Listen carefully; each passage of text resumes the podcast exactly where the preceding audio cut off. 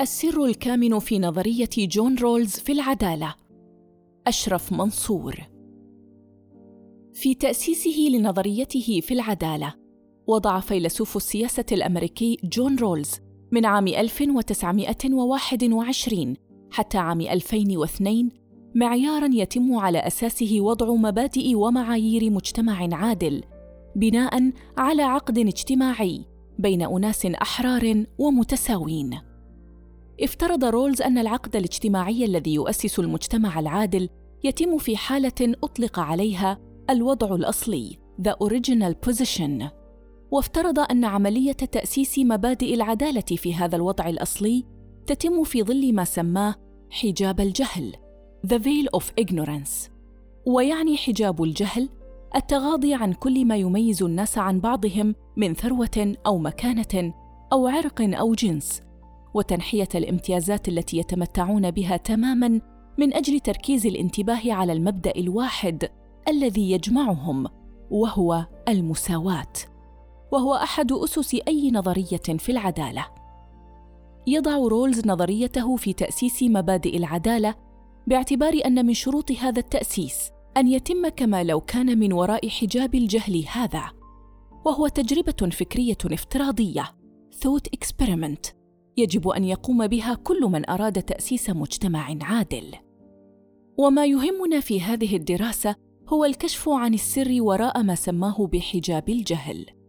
هذا السر هو أنه لا يمكن تأسيس مبادئ للعدالة والإنصاف حسب رولز إلا بافتراض انتفاء الفروق الطبقية في المجتمع أي بتخيل مجتمع لا طبقي. إن إلغاء الطبقات حتى ولو كان بالتخيل والافتراض النظري الخالص هو الشرط المسبق لنظرية العدالة وفق رولز. لم يتمكن رولز من تأسيس نظريته في العدالة إلا بتجاوز الرأسمالية فكريا. وإذا كانت الاتجاهات الاشتراكية والماركسية تنادي دوما بإلغاء الطبقات في المرحلة الشيوعية فإن دعوة رولز لإلغاء افتراضي نظري للطبقات في تأسيس نظرية في العدالة يمثل نقطة التقاء وعنصرا مشتركا يجمع بينه وبين كل الاتجاهات الاشتراكية. ولا أعتقد أن رولز قد قدم اقتراحه بتجربة حجاب الجهل دون وعي منه بمتضمناتها الاجتماعية وبقربها من الاتجاهات الاشتراكية. هذا بالإضافة إلى أن إجماع نظريات الحق الطبيعي والعقد الاجتماعي على ضرورة البدء بحالة الطبيعة الأولى أو الوضع الأصلي السابق على أي انقسامات طبقية وامتيازات وفق الثروة والمكانة يسير في نفس الاتجاه وهو التلاقي مع الاتجاهات الاشتراكية. كل ما في الأمر من فرق بينهما أن نظريات الحق الطبيعي والعقد الاجتماعي تضع المجتمع اللاطبقي كفرضية وتجربة فكرية متخيلة لتأسيس مجتمع مساواتي عادل بينما تضع الاتجاهات الاشتراكية هذا المجتمع اللاطبقي كهدف يجب تحقيقه في المستقبل. الأسلوب المستور. يستخدم رولز اسلوبا في غاية الحذر ونستطيع أن نقول إنه مستور. esoteric. إذ هو يضع الوضع الأصلي باعتباره أساس العدالة. لكنه يخفي صفته الأساسية التي تجعل منه وضعا أصليا وهو أنه مجتمع لا طبقي. يقول رولز إن الوضع الأصلي original position هو الحالة الابتدائية المناسبة appropriate وبالتالي تكون الاتفاقات الناتجة عنه منصفة. يجب أن ننتبه إلى أن الوضع الأصلي هنا لا يعني الحالة الأولى للمجتمع البشري التي ظهرت في تاريخ مبكر من عمر البشرية بل هو حالة غياب الطبقات والامتيازات الطبقية. وهذا الغياب هو أساس العدالة والحالة المناسبة التي تجعل من الاتفاقات الناتجة عنه منصفة. هذا بالإضافة إلى اتصاف تحليل رولز هنا بالطابع الكانتي فهو يبحث في الشروط القبلية لإمكان العدالة ولإنصاف الاتفاقات. إنما لا يفصح عنه رولز صراحة. ويخفيه خلف أسلوبه النظري عالي التجريد. هو أنه لا يمكن الوصول إلى مبادئ للعدالة إلا على أساس حجاب الجهل أي على أساس التنحية الافتراضية للتراتب الطبقي في المجتمع والإلغاء الافتراضي لامتيازات الثروة والقوة. ومن خصائص الكتابة المستورة التي تتبع أسلوب التخفي تجنب استخدام مصطلحات معينة وربما يتم تجنب أسماء الأفكار والمذاهب التي يرفضها المؤلف لكونه لا يريد أن يظهر في صورة الناقد المباشر لها. وهذا هو حال رولز.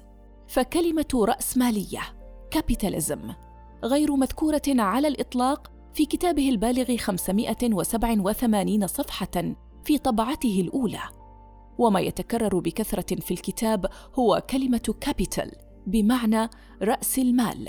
باعتباره من عناصر الإنتاج وهو استخدام شبيه باستخدام آدم سميث وديفيد ريكاردو لكنه يذكر capitalist system تعليقا منه على تحليل كينز لتراكم رأس المال في يد القلة باعتبار أنه كان الشرط الضروري لنمو القوى الإنتاجية ومن ثم ارتفاع مستوى معيشة المجتمع كله. كما يستخدم كلمة الطبقة الرأسمالية capitalist class في نفس سياق تعليقه على كينز إذ يذهب رولز إلى أن النمو وتطور القوى الإنتاجية والتحسن الكلي العام في الأحوال المعيشية والذي يتحقق بتركز الثروة الإنتاجية في يد طبقة رأسمالية هو مجرد استثناء وظروف خاصة. Special circumstances. لكن لم يمنع أسلوب رولز في التخفي من أن يكشفه كتاب اليمين واليسار على السواء. فها هو كاتب يميني. معروف عنه تأييده الأعمى والساذج للرأسمالية وهو دانييل بيل الذي قرأ رولز بسطحية المفكر الرأسمالي لكنه كشفه إذ قال عنه نجد مع رولز أكثر المحاولات اكتمالا في الفلسفة الحديثة في تأسيس أخلاق اشتراكية ومن اليسار أدرك توني سميث المتضمنات الاشتراكية لنظرية رولز لكنه يعتبر رولز ليبراليا يساريا ومساواتيا ليبراليا. ورغم المستوى التجريدي العالي لنظرية رولز وطابعها التصوري الخالص فإنه كان أحيانا ما يأتي بعبارات لا يمكن وصفها إلا على أنها راديكالية لجرأتها وصراحتها. يقول رولز إن القوانين والمؤسسات غير العادلة يجب إصلاحها أو إزالتها مهما كانت تعمل بكفاءة وجيدة التنظيم. الإصلاح أو الإزالة reformed or abolished. وهذه لغة حاسمة وقاطعة توحي بحقيقة توجهات رولز الذي لم يكن ابدا من المدافعين عن النظام الرأسمالي بل كان ناقدا له ولو على نحو خفي. العدالة عند رولز هي العدالة الاجتماعية. إن المبادئ التي يقدمها رولز للعدالة هي للعدالة الاجتماعية ويقول عنها إنها تمدنا بطريقة لتعيين الحقوق والواجبات في المؤسسات الأساسية للمجتمع وتحدد التوزيع الأنسب لمزايا وأعباء التعاون الاجتماعي. الكلمات المفتاحية هنا هي العدالة الاجتماعية social justice والتعاون الاجتماعي social cooperation. والملاحظ تكرار كلمة social وكلمة social justice عبر كتابه. وهذا في مقابل هايك الذي أنكر وجود العدالة الاجتماعية واعتبرها وهما وسرابا. يقول رولز إن موضوعنا هو بالأحرى العدالة الاجتماعية وليس عدالة المؤسسات أو القوانين أو الأفعال أو الأشخاص بل العدالة بمفهومها الأعم والأشمل وهو العدالة الاجتماعية وهو في ذلك يختلف عن هايك. الذي هاجم العدالة الاجتماعية بالمعنى الاشتراكي وحده وهو لم يدر بأن التراث الليبرالي لديه تصوراته عن العدالة الاجتماعية. معنى هذا أن نظرية العدالة التي يقدمها رولز هي نظرية في العدالة الاجتماعية والموضوع الأساسي للعدالة بمعنى subject لا بمعنى topic هو البناء الأساسي للمجتمع. ولا يمكن أن يكون هذا البناء الأساسي إلا بناء القوة والسلطة في المجتمع أو البناء الطبقي له. إن نظرية العدالة الاجتماعية التي يقدمها رولز تتعامل مع مجتمع طبقي تسوده اللامساواة والتفاوت الكبير في الامتيازات والأعباء وتحاول حل هذه المشكلة بنظرية في العدالة كإنصاف justice as fairness. وهو عنوان الكتاب الذي لخص فيه نظريته في كتابه الأول وزادها وضوحا. ويعترف رولز بعدم إمكان إلغاء الفروق الطبقية في المجتمع فعلياً على الرغم من ضرورة افتراض اختفائها في الوضع الأصلي. ويذهب إلى أن الأشخاص في الوضع الأصلي يمكنهم اختيار مبدأين مختلفين. الأول هو اختيارهم أن يكونوا متساوين في الحقوق والواجبات الأساسية. والثاني يعترف باللامساواة الاجتماعية والاقتصادية القائمة بالفعل. لكنه لا يقبل إلا المبادئ التي تؤدي إلى تعويض الأعضاء الأقل حظاً في المجتمع. ويقول في ذلك ليس هناك أي ظلم في وضع يحصل فيه القلة على منافع أكثر من غيرهم بشرط أن تتحسن أوضاع الأقل حظا. وهذا هو جوهر نظريته في العدالة كإنصاف. فمع استحالة إلغاء الطبقات فعليا يتم إلغاؤها نظريا وفكريا لوضع مبادئ العدالة وعند تطبيقها على مجتمع طبقي فعلي يوضع شرط وهو أن تتحسن أوضاع الأقل حظا. وهي لا يمكن أن تتحسن إلا بتدخل فعال سياسي وتشريعي من الدولة. تأسيس رولز لمبادئ العدالة على أساس مثال المجتمع اللاطبقي يقول رولز عن مبادئ العدالة إنها المبادئ التي يمكن أن يتفق عليها أشخاص أحرار ومتساوون في وضع أصلي من المساواة. Initial position. باعتبار هذه المبادئ محددة للشروط الأساسية لاجتماعهم. الملاحظ أن عبارة رولز تذكر الحرية والمساواة وتشدد على الوضع الأصلي من المساواة وهو بذلك يؤسس مبادئ العدالة على وضع أصلي من الحرية والمساواة. ولا يمكن أن يكون هذا الوضع إلا وضعا افتراضيا لكنه رغم ذلك يتصف بخاصية أساسية وهي غياب التراتبات والامتيازات أي غياب التراتب الطبقي والجندري وتنحية الثروة جانبا واعتبارها غير موجودة. هذه الحالة من غياب التراتب الطبقي ينظر إليها رولز على أنها هي الحالة الأصلية للمجتمع وهي التي يقيم عليها مبادئ العدالة. معنى هذا أن رولز قد ربط الحالة الأولى أو الوضع الأصلي أو حالة الطبيعة في نظريات الحق الطبيعي والعقد الاجتماعي بحالة غياب التراتب الطبقي وهي الحالة نفسها التي نظرت إليها الاتجاهات الشيوعية على أنها كانت الشكل الأصلي للمجتمع البشري الشيوعية البدائية أو النظام المشاعي. مبادئ العدالة عند رولز إذن تفترض الوضع اللاطبقي وتحاول الحفاظ على هذه المبادئ في ظل وجود مجتمع منقسم طبقيا بالفعل. إن لسان حاله يقول إذا أردتم تأسيس مبادئ للعدالة يجب تنحية الطبقات والثروة جانبا حتى ولو على المستوى النظري كافتراض. مبادئ العدالة عند رولز إذن مقامة على أساس مجتمع لا طبقي متخيل ومفترض أي مجتمع غير برجوازي وغير رأسمالي. يجب التخلي النظري عن الرأسمالية القائمة بالفعل وممارسة إبوخي على طريق هوسرل لتأسيس العدالة. وهذا ضروري للغاية لأن الوضع الأصلي من الحرية والمساواة هو غياب الطبقات. كان رولز واضحا وصريحا للغاية في تأسيسه لمبادئ العدالة على وضع المساواة الأصلي حتى ولو كان هذا الوضع افتراضيا. لكن هنا يكمن التناقض.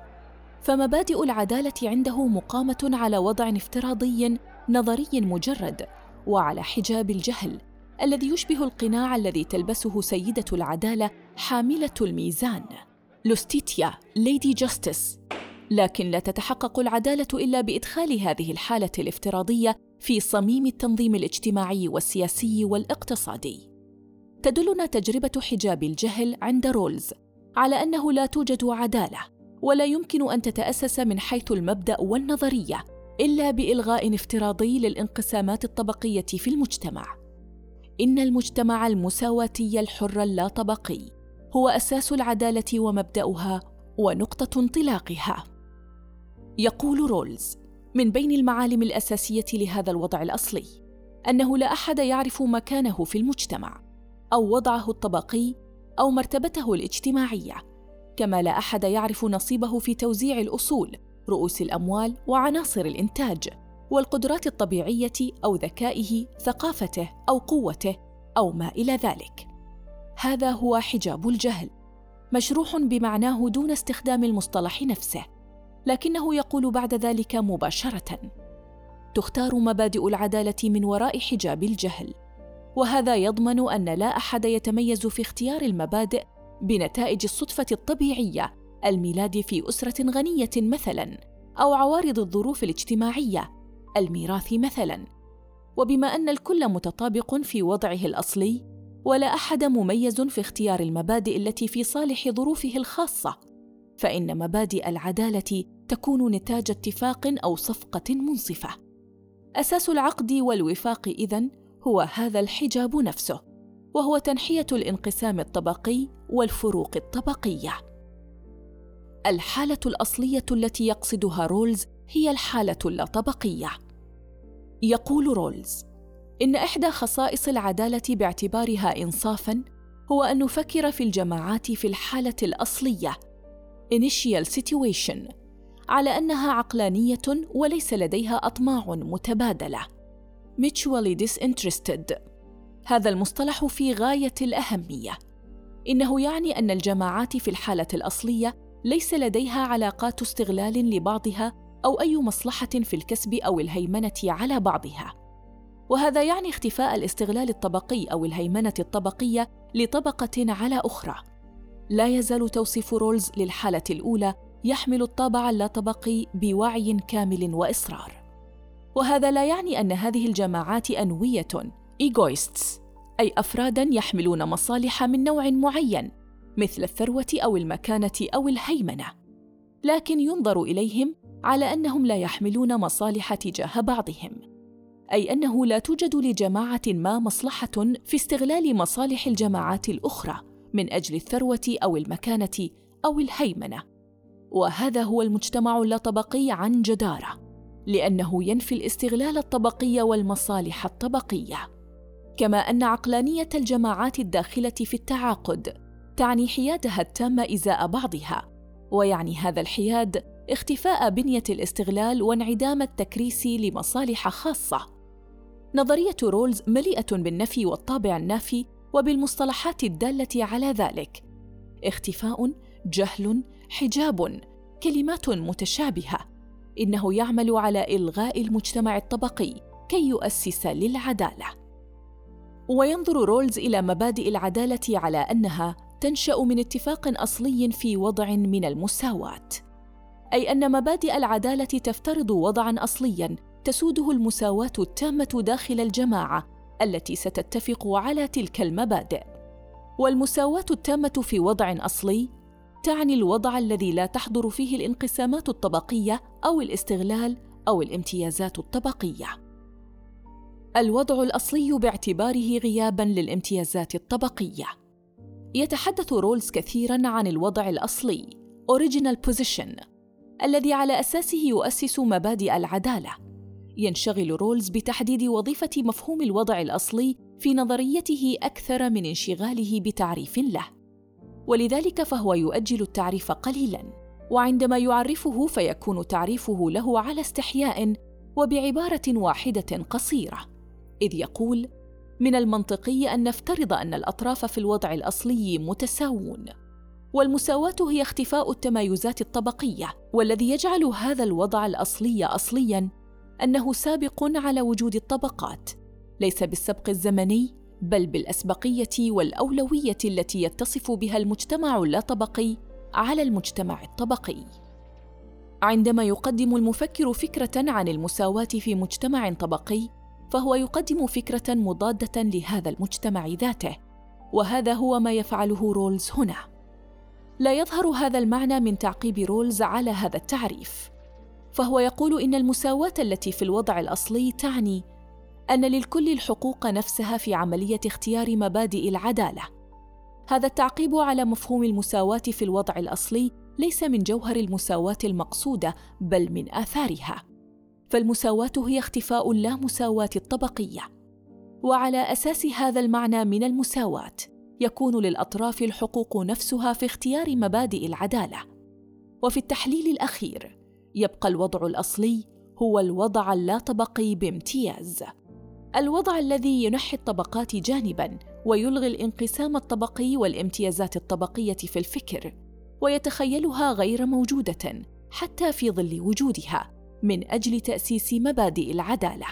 وإذا كان الوضع الأصلي هو الوضع اللا طبقي وإذا كان الذي يجعله اصليا هو أنه غير طبقي أصلي بمعنى طبيعي في مقابل الوضع الطبقي المصطنع. فإن عدد مرات ظهور هذا المصطلح في كتاب رولز يوحي بمركزية هذا المفهوم وما يتضمنه من تصور للعدالة يلغي اللامساواة الناتجة عن الوضع الطبقي.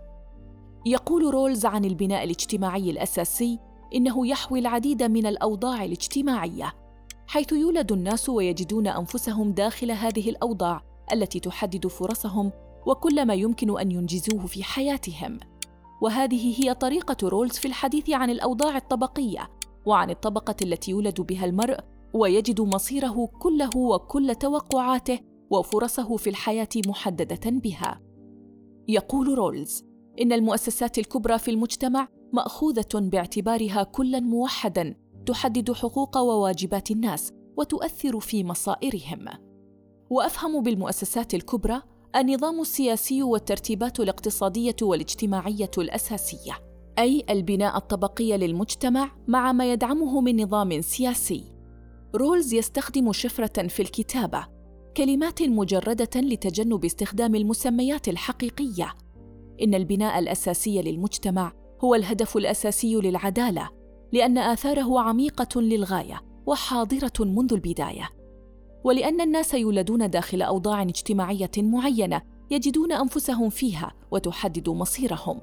ولأن هذه الأوضاع تتصف باللامساواة العميقة deep inequalities فيجب أن تكون هي هدف العدالة. المجتمع المتعاون في مقابل المجتمع المنقسم طبقيا. نعثر مرارا في كتاب رولز على كلمة تعاون cooperation 78 مرة. ويقول عنه لنفترض من أجل توضيح أفكارنا أن المجتمع هو تعاون مكتف بذاته بدرجة أو بأخرى بين أشخاص يعترفون في علاقاتهم ببعضهم بقواعد معينة في السلوك باعتبارها ملزمة لهم. ويسلكون وفقا لها. يقترب أسلوب رولز في الكتابة من أن يكون شفرة في حاجة إلى أن تفك. يقصد رولز من المجتمع المكتفي بذاته المتعاون كله معا المجتمع اللا طبقي أو على الأقل المجتمع الذي لا تسوده انقسامات طبقية حادة. لأن المجتمع الطبقي لن يسوده التعاون ولن يكون مكتفيا بذاته. فالتعاون يفترض عدم وجود هيمنة طبقية من طبقة على أخرى ويفترض عدم وجود استغلال والاكتفاء الذاتي للمجتمع يفترض عدم وجود سلطة قهرية قمعية تفرض نظاما بالقوة على المجتمع. إن نص رولز يتضمن ظاهرا وباطنا ووظيفة ظاهر النص المجرد هو إخفاء ومواراة معناه الحقيقي. الخلفية السياسية لرولز والحقيقة أن تاريخ صدور كتاب رولز نظرية في العدالة هو مفتاح فهم نظريته في سياقها التاريخي والسياسي والاقتصادي. لقد ظهر كتاب رولز عام 1971 أي في العام الذي بدأ فيه التحول نحو السياسات الليبرالية الجديدة في الغرب التي بدأت بالهجوم على دولة الرعاية الاجتماعية welfare state والتخلي عن الدور الاجتماعي للدولة في سبيل تحرير تام للاقتصاد. وهي السياسات التي سوف تتبلور بعد ذلك في عصر الليبرالية الجديدة مع ريغان في أمريكا وتاتشر في بريطانيا. ظهر كتاب رولز إذن في بداية عصر التحول نحو الليبرالية الجديدة في حين أن نظرية رولز نفسها كانت تناصر دولة الرعاية الاجتماعية وتدافع عن دور تدخلي وتشريعي للدولة لضمان مبادئ العدل والمساواة أو الإنصاف كما سماها رولز. وبذلك يبدو كتاب رولز وكأنه يسير على خطى دولة الرعاية في العصر الذي شهد بداية سقوطها، والذي شهد أعنف نقد وجه لها من اتجاهات ليبرالية متعددة. كما يرجع السبب في مفهومه عن العدالة كإنصاف إلى وعيه بأن المجتمع القائم هو مجتمع طبقي ولا يمكن نزع هذه الخاصية عنه. لكن لما كان تحقيق العدالة يفترض المساواة والمساواة تفترض انتفاء الطبقات. ففي ظل المجتمع الطبقي تصير المساواة غير ممكنة وبالتالي تصير العدالة مستحيلة. والحل الوحيد الذي ارتآه رولز هو أن تكون العدالة ممكنة في ظل هذا المجتمع باعتبارها إنصافاً. أي ألا يتعارض تركز الثروة لدى البعض مع سعي البعض الآخر نحو الحقوق والفرص العادلة. سر عودة رولز لنظرية العقد الاجتماعي. تمثل نظرية رولز في العدالة عودة قوية إلى نظرية العقد الاجتماعي، وذلك بعد أن توارت هذه النظرية في القرنين التاسع عشر والعشرين.